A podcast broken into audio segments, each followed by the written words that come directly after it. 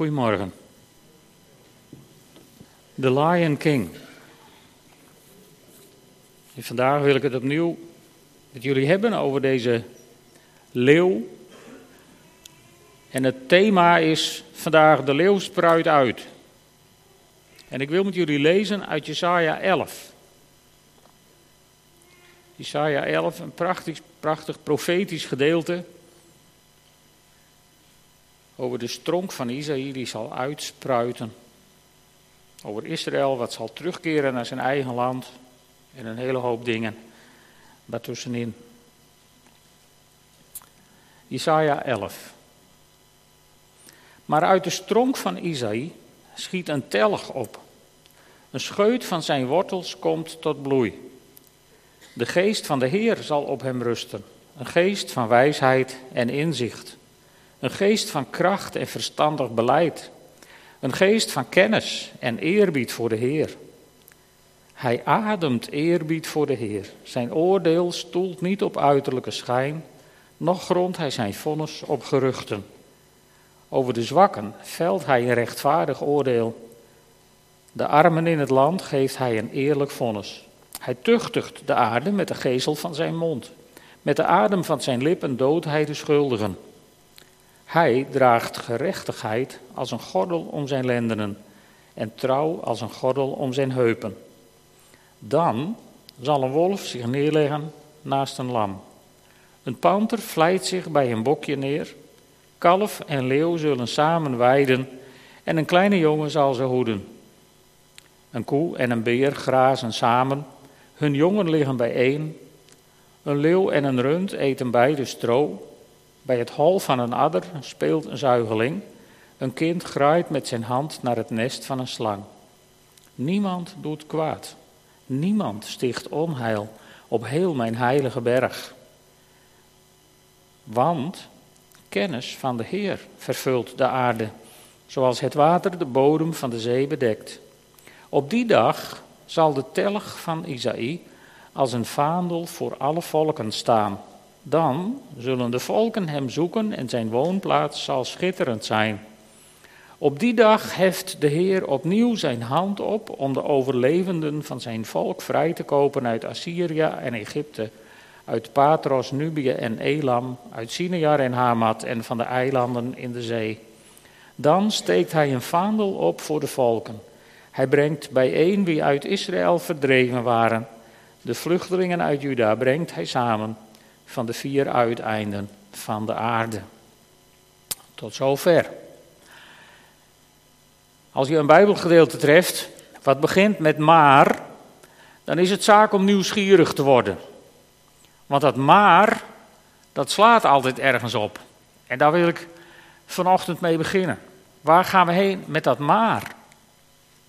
Nou, om te beginnen lezen we in Jesaja 6 dat God de stam, de eik van Isaïe, heeft afgehakt vanwege hun zonden, vanwege hun overtredingen.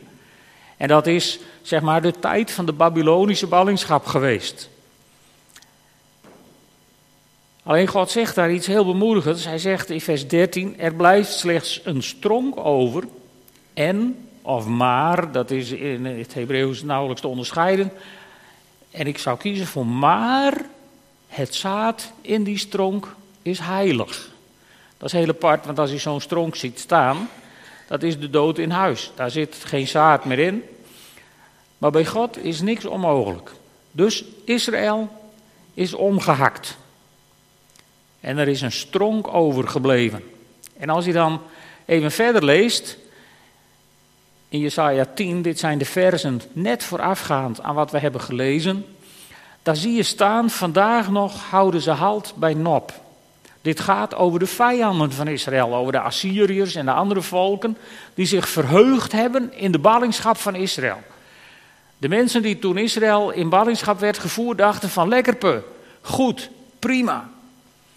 En, en dan zegt Jesaja, vandaag nog houden ze halt bij Nop. Nop was een stadje in het zicht van Jeruzalem ongeveer een priesterstad. We kennen Nop voor de goede Bijbelkennis uit de, de tijd van Saul en David. Nob, de priesterstad, die wordt uitgemoord omdat Saul denkt dat ze David hebben geholpen. Nou, daar houden ze halt en dan kun je dus Jeruzalem zien. Dan kun je aan de horizon, kun je zeg maar de heuvel Sion, de berg Sion is in beeld. En dan zegt Jesaja, ze ballen de vuist tegen de Sion, tegen de heuvel van Jeruzalem. En dan blijkt in het volgende vers dat dat niet handig is. Want er staat aan God, de Heer van de hemelse machten, houdt met geweld hun takken af. De hoogste bomen worden omgehakt, de statigste stammen komen ten val. Met een bijl kapt hij de struiken weg, heel de Libanon wordt door de machtige geveld. Dit wijst op grote verwoesting. En die grote verwoesting was er in de tijd van de Babylonische ballingschap. Die grote verwoesting die was er in de tijd van de Romeinen. En als je vandaag de dag naar die streken ziet, dan is het één grote verwoesting.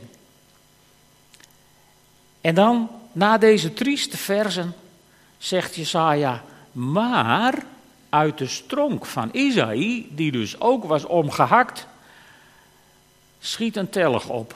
Een scheut van zijn wortels komt tot bloei. Dat is bijzonder. Dat die scheut tot bloei komt. Een geweldige profetie die uiteraard messiaans is.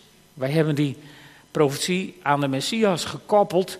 Maar toen ik het las, vroeg ik me af: zouden de herders ooit beseft hebben dat zij de vervulling van deze profetie meemaakten? Zouden ze ooit aan dit vers hebben gedacht?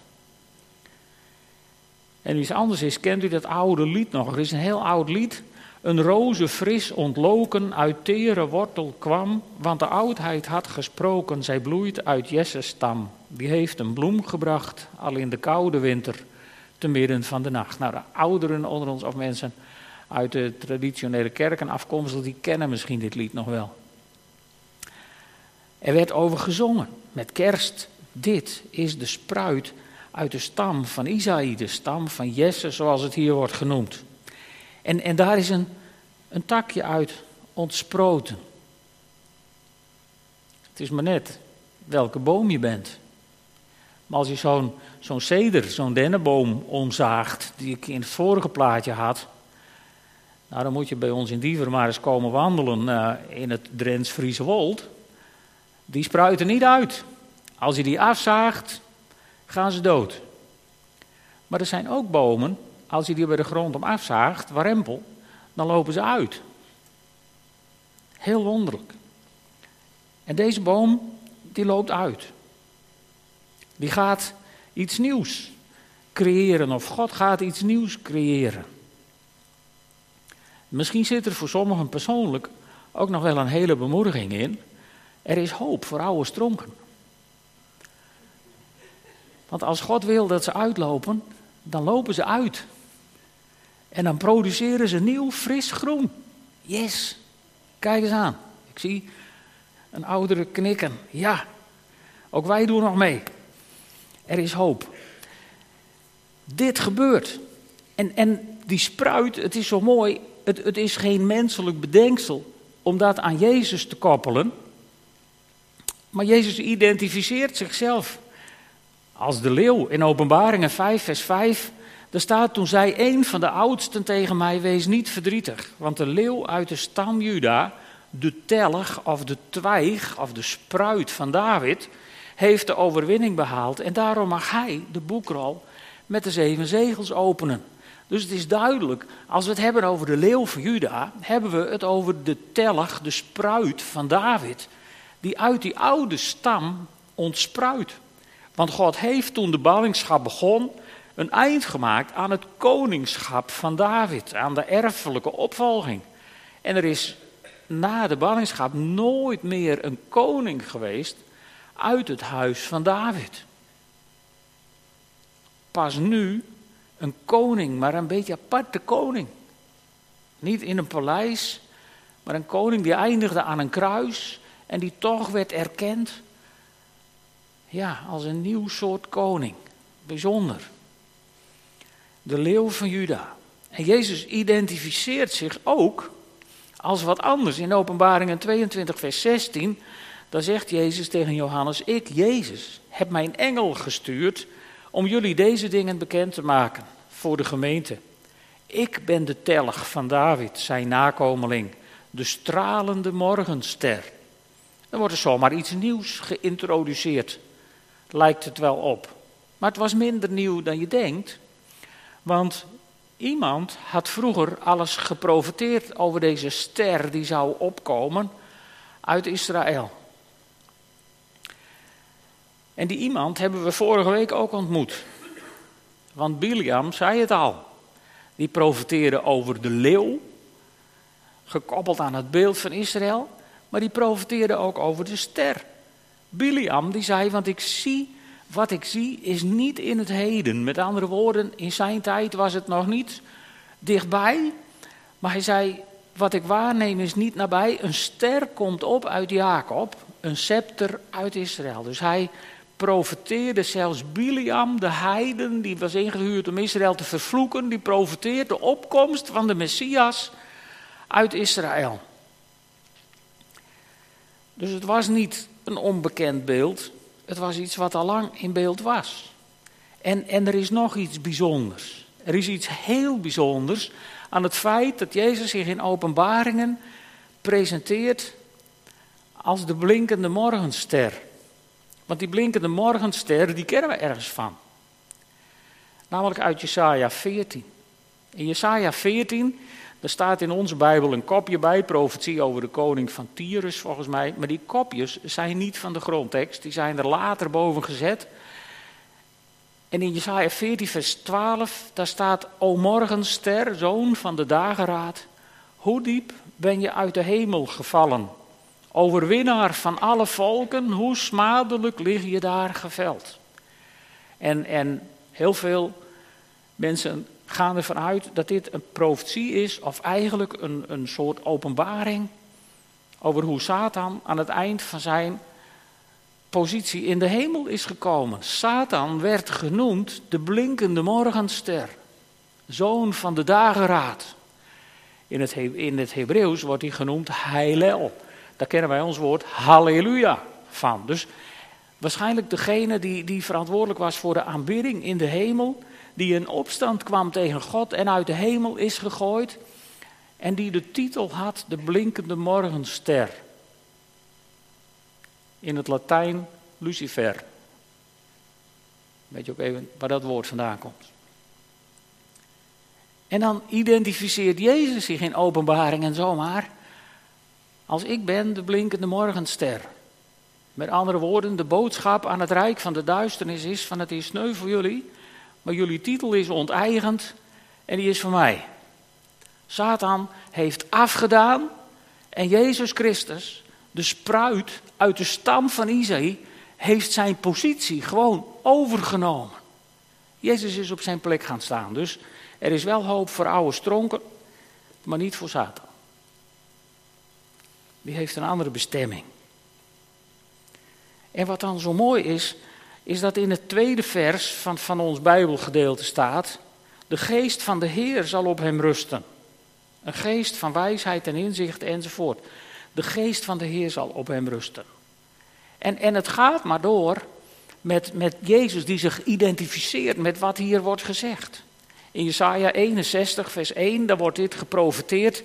En Jezus die eigent zich dit toe in Lucas 4. Als hij de, de, de boekrol mag lezen in zijn geboorteplaats. In Nazareth, dan neemt hij de boekrol en die is qua lezing toe aan Jesaja 61.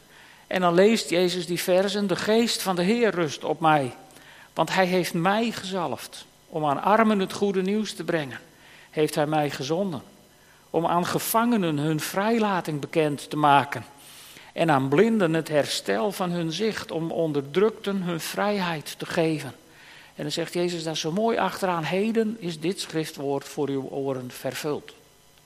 Dus ook hier identificeert Jezus zich heel duidelijk met het schriftgedeelte wat we hebben gelezen, met de profetie van Jesaja. Ik ben het. De geest van de Heer rust op mij.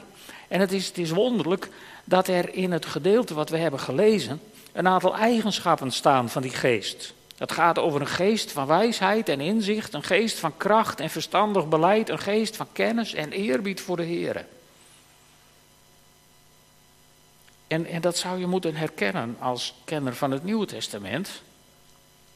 Want in 1 Korinthe 12, dan gaat het ook over die geest van de Heer.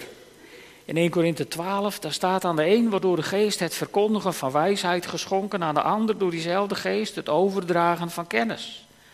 De een ontvangt van de Heer een groot geloof, de ander de gave om te genezen. En weer anderen de kracht om wonderen te verrichten, om te profiteren, om te onderscheiden wat wel en wat niet van de geest afkomstig is, om in klanktaal te spreken of om uit te leggen wat daar de betekenis van is. Al deze gaven worden geschonken door één en dezelfde geest, die ze aan iedereen afzonderlijk toebedeelt zoals hij wil. Dus opnieuw ontmoeten we hier de geest van God. Die was op Jezus Christus, op de spruit van David, die zich deze titels heeft toegeëigend. En niet onterecht, maar omdat hij er recht op had. Jezus, de vervulling van deze profetie. En dan gaat het verder in vers, vers 3. Hij ademt eerbied voor de Heer. In de oude statenvertaling, oh, nou volgens mij ook in de herziene statenvertaling, er staat dat hij ruikt naar eerbied, of hij ruikt de eerbied voor de Heer. Goed, iemand met slechte adem die ruikt ergens naar en iemand met een uh, lekkere geur die ruikt ook ergens naar. Dus het zal wel bij elkaar passen. Hij ademt eerbied voor de Heer. En wat, wat betekent dat? Dat werkt zich uit ergens in. Zijn eerbied voor de Heer leidt ertoe dat hij niet oordeelt op uiterlijke schijn. kunnen veel mensen nog wat van leren. Want heel vaak hebben wij ons oordeel al klaar aan de hand van onze eerste aanblik. Hij niet. Hij oordeelt niet op uiterlijke schijn. Het tweede is nog grond hij zijn vonnis op geruchten. Met andere woorden, hij doet niet mee aan roddel en kletspraat. En hij verbindt zijn oordeel daar niet aan.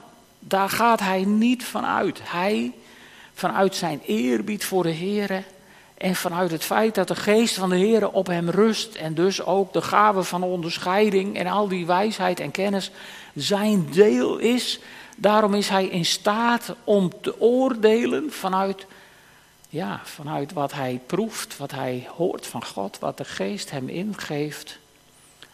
Hier zouden wij mensen, als we oordelen, heel veel van kunnen leren.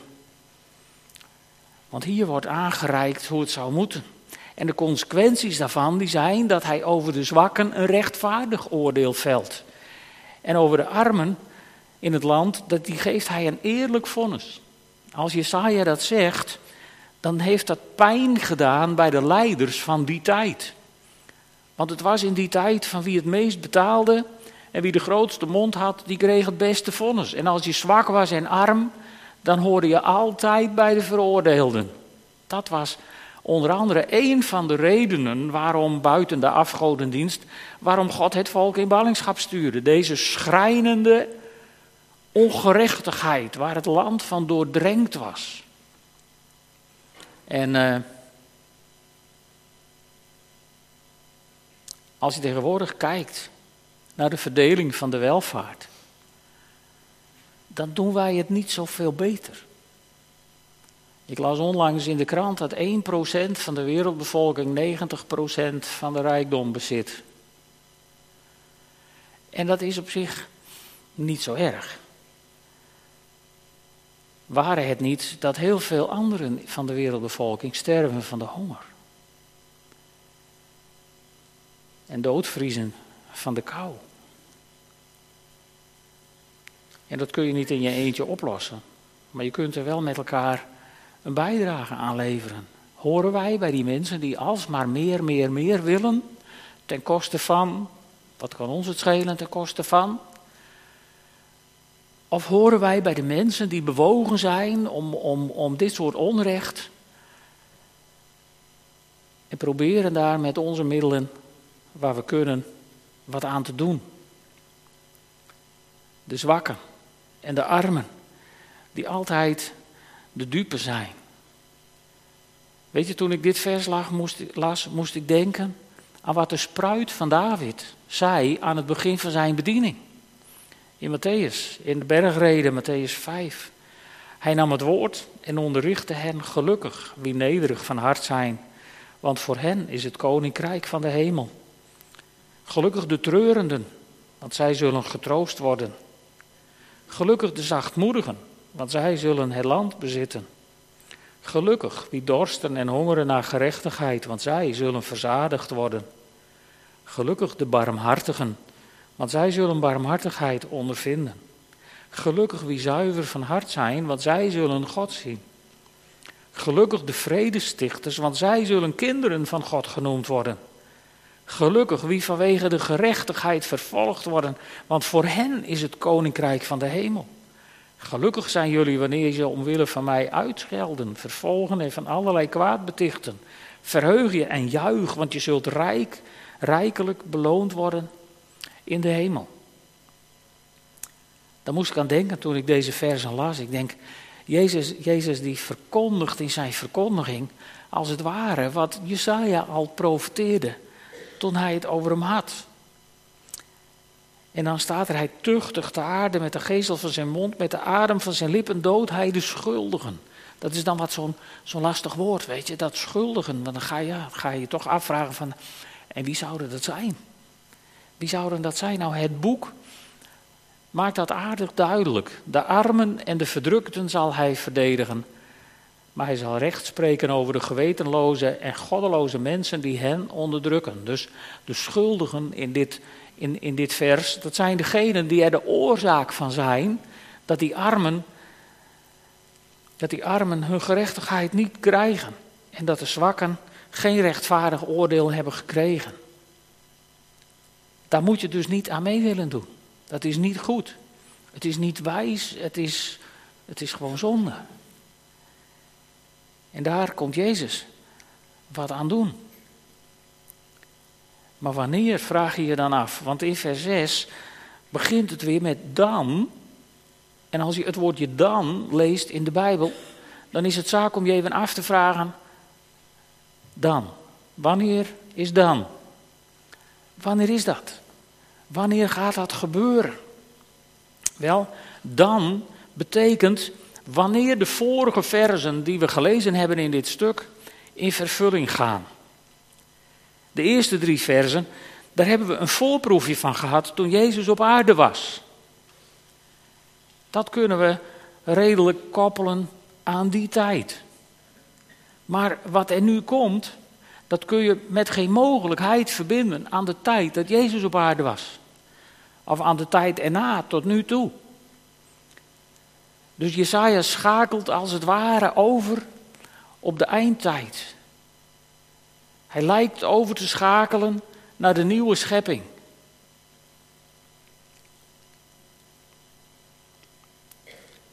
En dan zien we de verheerlijkte Jezus in al zijn heerlijkheid als de leeuw van Juda. Hij is aan het oordeel begonnen, dat hebben we net gelezen, maar hij heeft ook, zeg maar, gevolgen van de zondeval teruggedraaid. En dat lees je in de volgende versen. Als je daar leest dat de wolf zich neerlegt naast een lam, een panter naast een bokje en een kalf naast een leeuw. Dat zie je tegenwoordig ook wel, dat ze erbij gaan liggen, maar dan de ene om de andere op te eten. En dat was hier niet zo. Je ziet hier de vrede, ze weiden samen, ze zijn bij elkaar. En de nieuwe schepping is een feit. En wat dan zo mooi is, in die nieuwe schepping, daar heeft de mens zijn oorspronkelijke bestemming terug. Het hoeden van de schepping. Want dat staat er zo mooi bij. Een kleine jongen zal ze hoeden. Dus er wordt nog steeds gehoed. Wij zijn nog steeds in beeld waarvoor God ons bedoeld heeft om de schepping te beheren en te bewaren. En s'avonds met God te wandelen, verwacht ik voor mezelf in de avondkoelte. Wat een tijd zal het zijn. Zelfs de leeuw is vegetariër geworden, dus wij zullen er waarschijnlijk ook wel aan moeten geloven dan. Want de, de leeuw eet stro samen met het rund. Bijzonder. Een hele bijzondere tijd. En zelfs de slang doet geen kwaad. Want we hebben we lezen dat, dat een zuigeling speelt bij het hol van een adder en een kind graait met zijn hand naar het nest van een slang. Dus die slang is er ook nog. En wat nou zo mooi is, dit zijn eigenlijk in openbaringen, staan daar een paar prachtige versen bij. In openbaringen 21 vers 5, daar staat hij die op de troon zat, zei, alles maak ik nieuw. En wat we hier zien in Jesaja, is alles wat nieuw is gemaakt. Het is hersteld in vrede, in de goddelijke orde.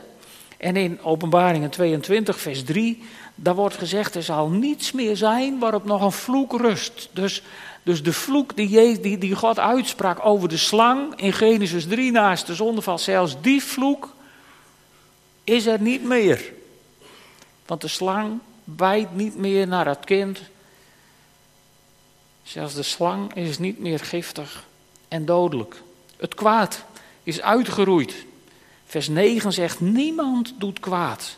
Niemand sticht onheil op heel mijn heilige berg. En er wordt meteen even uitgelegd hoe dat kan.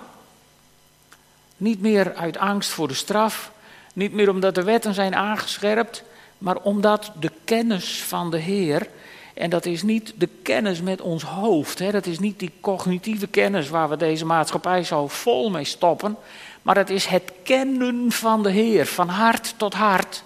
Zeg maar de gemeenschap met God, de relatie met God. Die, heeft de, die vervult de aarde zoals het water de bodem van de zee bedekt. En dat is mooi, zodat er staat, zoals het water de bodem van de zee bedekt. Je, je zou de bodem van de zee ook kunnen bedekken met, uh, met een laag stenen, bijvoorbeeld. Maar daar zit altijd ruimte tussen voor wat anders. En zoals het water de bodem van de zee bedekt, daar is geen ruimte tussen voor wat anders. Het is zo volkomen bedekt, zo volkomen zijn de mensen doordrenkt van de kennis, van, van, van de gemeenschap, van hun relatie met God, dat niemand er meer over nadenkt, zelfs om kwaad te doen. Dat is eigenlijk waar het om gaat. Net zoals Jezus de eer, hij ademt de eerbied voor de Heer. Dat is wat er bedoeld wordt. Dus, dus het zal zo volmaakt zijn. Niemand denkt zelfs meer aan kwaad. De gevolgen van de zondeval zijn echt teruggedraaid. De kennis van goed en kwaad, de kennis van het kwaad, lijkt van de aarde verdwenen te zijn. En die heeft plaats gemaakt voor het kennen, voor de kennis van God. Zoals het was toen God naar deze aarde keek en zag dat het zeer goed was. In die tijd zijn we teruggekomen.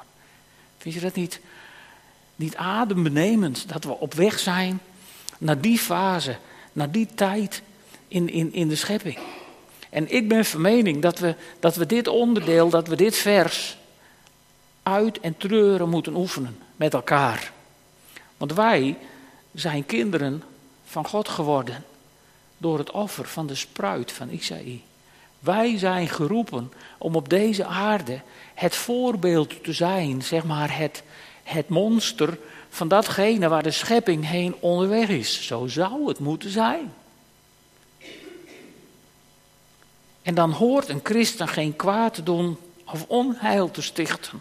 Dat zou verre van ons moeten zijn. Kwaad spreken, roddelen, mensen, mensen onrecht aandoen. Het zou zo ver van onze genen moeten zijn.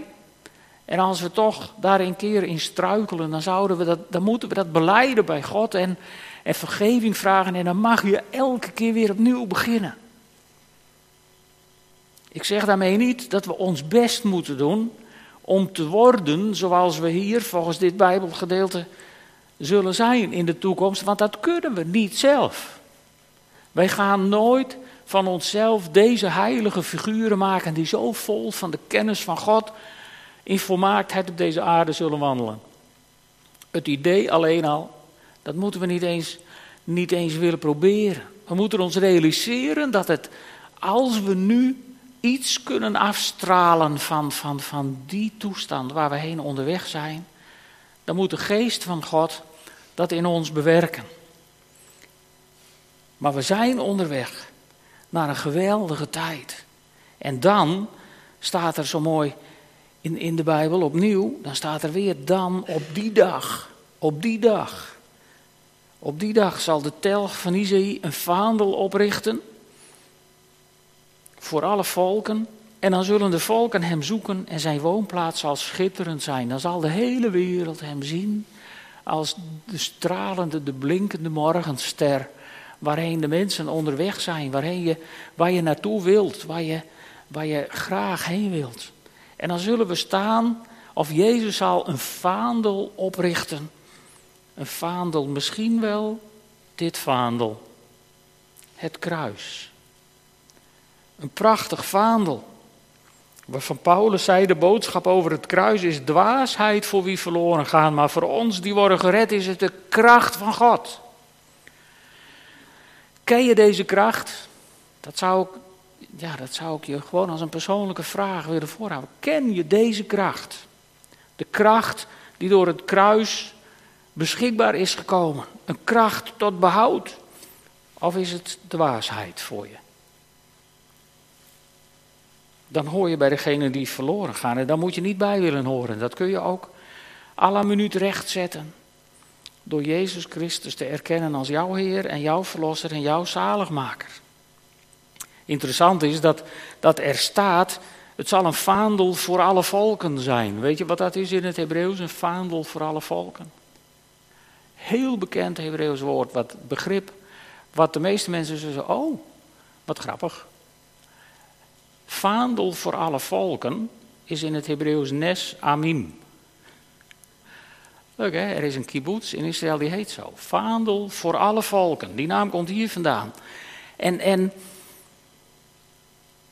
en dat vaandel, daar wil ik nog iets over zeggen. Dat vaandel is, dat is heel een, een oud beeld. Als je vroeger een leger had wat de strijd inging, dan, voetbalclubs hebben tegenwoordig natuurlijk ook vaandel, je ziet het nog wel meer. Maar vroeger, als het leger de strijd inging, dan was er in de buurt van de generaal was de vaandeldrager.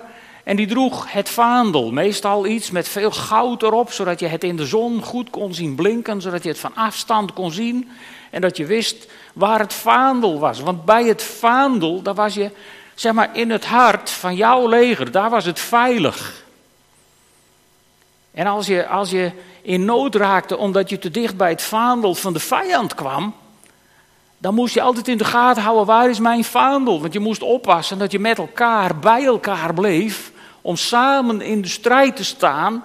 Want alleen verdwalen in het gebied van het vaandel van de ander, dat was levensgevaarlijk. Dan sneuvelde je, al werd je kruisgevangen gemaakt. En in die tijd waren er nog niet veel conventies van Genève, dus kruisgevangenen die hadden ook een groot probleem. Dat vaandel, dat zegt iets. Dat vaandel, dit vaandel. Ja, dit is een belangrijk vaandel. Het is voor ons een geweldig vaandel. Als je het kruis ziet, zie je een beeld van herkenning. Dan denk je, hé, hey, een kruis. Als je in het buitenland bent, je ziet een gebouw met een kruis erop. Dan denk je, oh, dat is een kerk of iets, iets christelijks. Daar, daar hoor ik ook bij. En als je in het buitenland bent en je ziet een, een grote sikkel, halve maan, zoiets, dan denk je, daar hoor ik niet bij. En aan de andere kant is dat natuurlijk voor een, een moslim bijvoorbeeld, is dat net zo. Als die een kruis ziet, dan wordt hij herinnerd aan de kruistochten. En dat is geen reclame voor, voor onze tak, voor ons vaandel, zeg maar. Als Joden een kruis zien, denken ze aan vervangingstheologie, holocaust, vervolging is reclame voor ons vaandel. En ik denk, nu we zo ver in het eind van de tijd zijn geraakt, als ik deze profetie goed interpreteer, dat het tijd wordt dat we ons ook realiseren wat er in de naam van ons vaandel in de wereldgeschiedenis is aangericht. En dat we, dat we tegen God zeggen, heren, dat, dat, dat doet me pijn. Dat wil ik niet, daar wil ik niets mee te maken hebben, daar distancieer ik me verre mee. In mijn loopbaan bij het Rode Kruis ben ik hier veel mee geconfronteerd. Is ook de reden dat er niet wereldwijd alleen maar één Rode Kruissymbool is, maar dat er ook een rode halve maan is. Omdat voor een groot deel van de wereld het kruis zo aanstootgevend is gemaakt dat het onacceptabel is als logo. Triest. En dat moet je niet de islam verwijten, maar dat hebben wij als christenen gedaan. Het is goed om ons dat ook eens te realiseren af en toe. Maar dit vaandel, dit is ons vaandel. Hier mag je trots op zijn, vandaag de dag. Ongeacht wat er in het verleden is gebeurd. Want daar kun je natuurlijk wel blijven hangen. En daar kun je wel elke keer weer over, over, naar terug willen. Maar hoe staat jouw hart erin? Dat is waar het om gaat. Niet over de geschiedenis. Het gaat over jouw relatie met God hier en nu. In deze tijd. Hoe is jouw relatie met God? Ben je trots op het kruis? Ben je trots op ons vaandel? Durf je mensen uit te nodigen om mee te komen naar de kerk? Een dienst mee te maken? Durf je mensen die, die in nood zijn geraakt in hun leven en het niet meer zien zitten? Durf je die te wijzen op het offer van Jezus Christus? En op de geweldige toekomst die we met elkaar hebben als Jezus terugkomt? Ben je trots op ons vaandel? En wat zien we dan in dat laatste stukje? Dan zien we dat, dat de spruit van David, de leeuw van Juda, de stralende morgenster, die is op weg naar de voleinding van de wereld. En dat is dichterbij dan wij denken. En het is zaak om de leeuw te volgen daarin.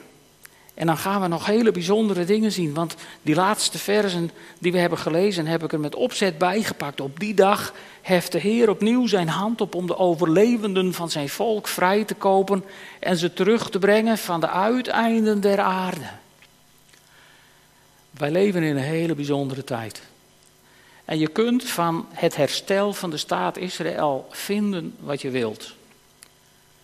Ik heb eh, een heel interessant boek gelezen de afgelopen week, 14 dagen. En dat heet 60 vragen. Het gaat over 60 vragen die christenen stellen over de toekomst van Israël en Joodse gewoontes. Moet je die in de kerk willen, moet je die niet in de kerk willen? Die is geschreven door Michael Brown. Het is een dik boek, kost 22,50. En als je hem wil hebben, moet je hem niet bestellen bij bol.com, maar kopen in de evangelische boekwinkel. Dit was de reclame. Het is een absolute aanrader. Als er dingen zijn waarvan je je wel eens afvraagt: ja, moeten wij nou de sabbat houden of de zondag? En hoe zit dit en hoe zit dat? Dan, dan kan ik je dit boek absoluut uit de grond van mijn hart aanbevelen.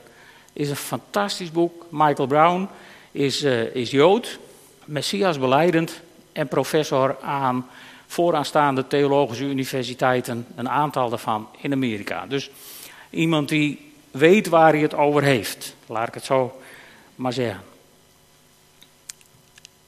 En die vertelt ook prachtig over, over hoe verschillende Joodse stromingen bijvoorbeeld kijken naar het herstel van de staat Israël. Nou, dan zijn er hele orthodoxe stromingen die vinden het huidige, de huidige staat Israël een, een in de weg staan voor wat God wil doen. Want die staat hoort er niet te zijn, maar de meerderheid vindt toch dat wat God vandaag aan het doen is in het herstel van Israël, dat is dat vaandel wat hier in Jesaja wordt neergezet. Het is een teken voor de volken.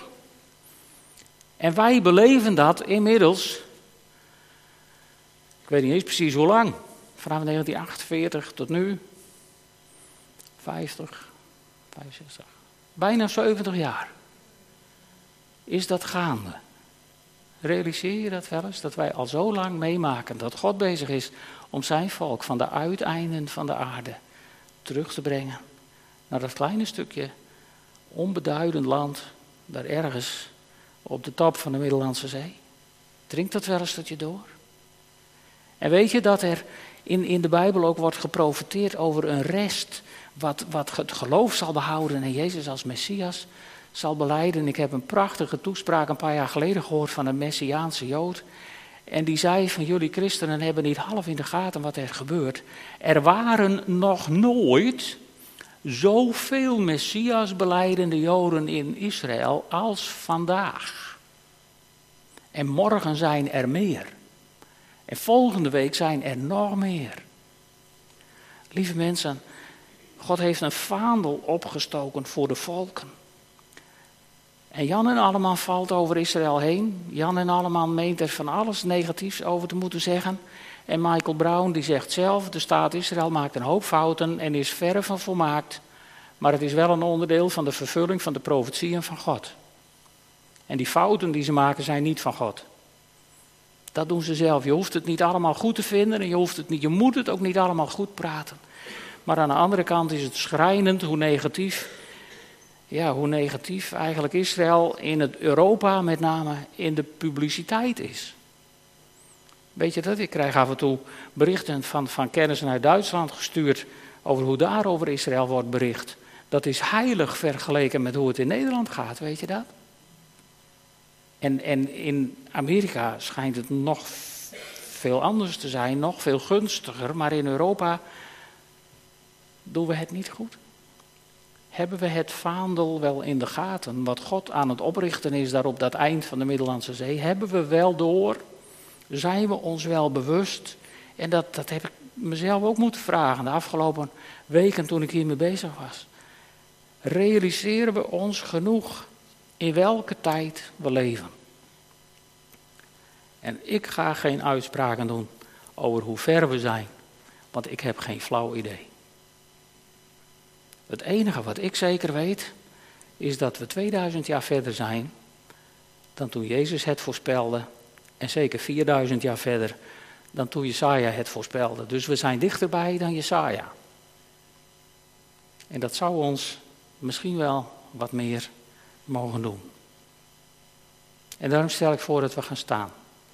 En de tijd van gebed nemen. En ik denk dat het heel belangrijk is dat een aantal van jullie de vrijmoedigheid willen nemen om ook te bidden voor Israël. Ik ben er in mijn onnozelheid altijd van uitgegaan dat iedereen dat altijd wel doet.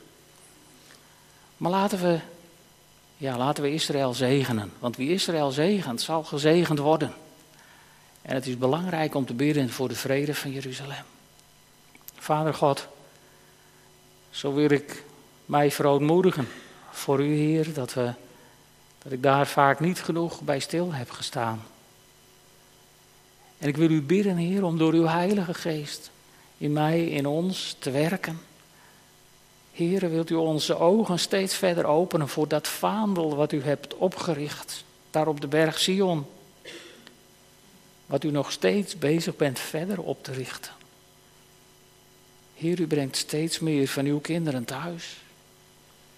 En leer ons, Heer God, de beelden te zien. Toen u waarschuwde dat, dat uw volk de tekenen van het weer wel verstond, maar de tekenen van de tijden niet, Heer, dan voel ik me aangesproken.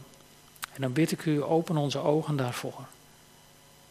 En geef ons de moed om uw volk te zegenen. Zo bidden we om een zegen voor uw volk Israël. En zo bidden we u ook om, om wijsheid voor hen, hoe ze omgaan met, ja, met de dreiging vanuit de islam, maar ook met, met islamitische mensen in hun midden. Heren, geef ze ook wijsheid om om te gaan met de verschillen onderling tussen ultra-orthodox en ultraliberaal en alles daartussen. Heere God, laat uw Heilige Geest een werk gaan doen in dat bijzondere land. Zo zegenen we Israël in de naam van Jezus. Amen.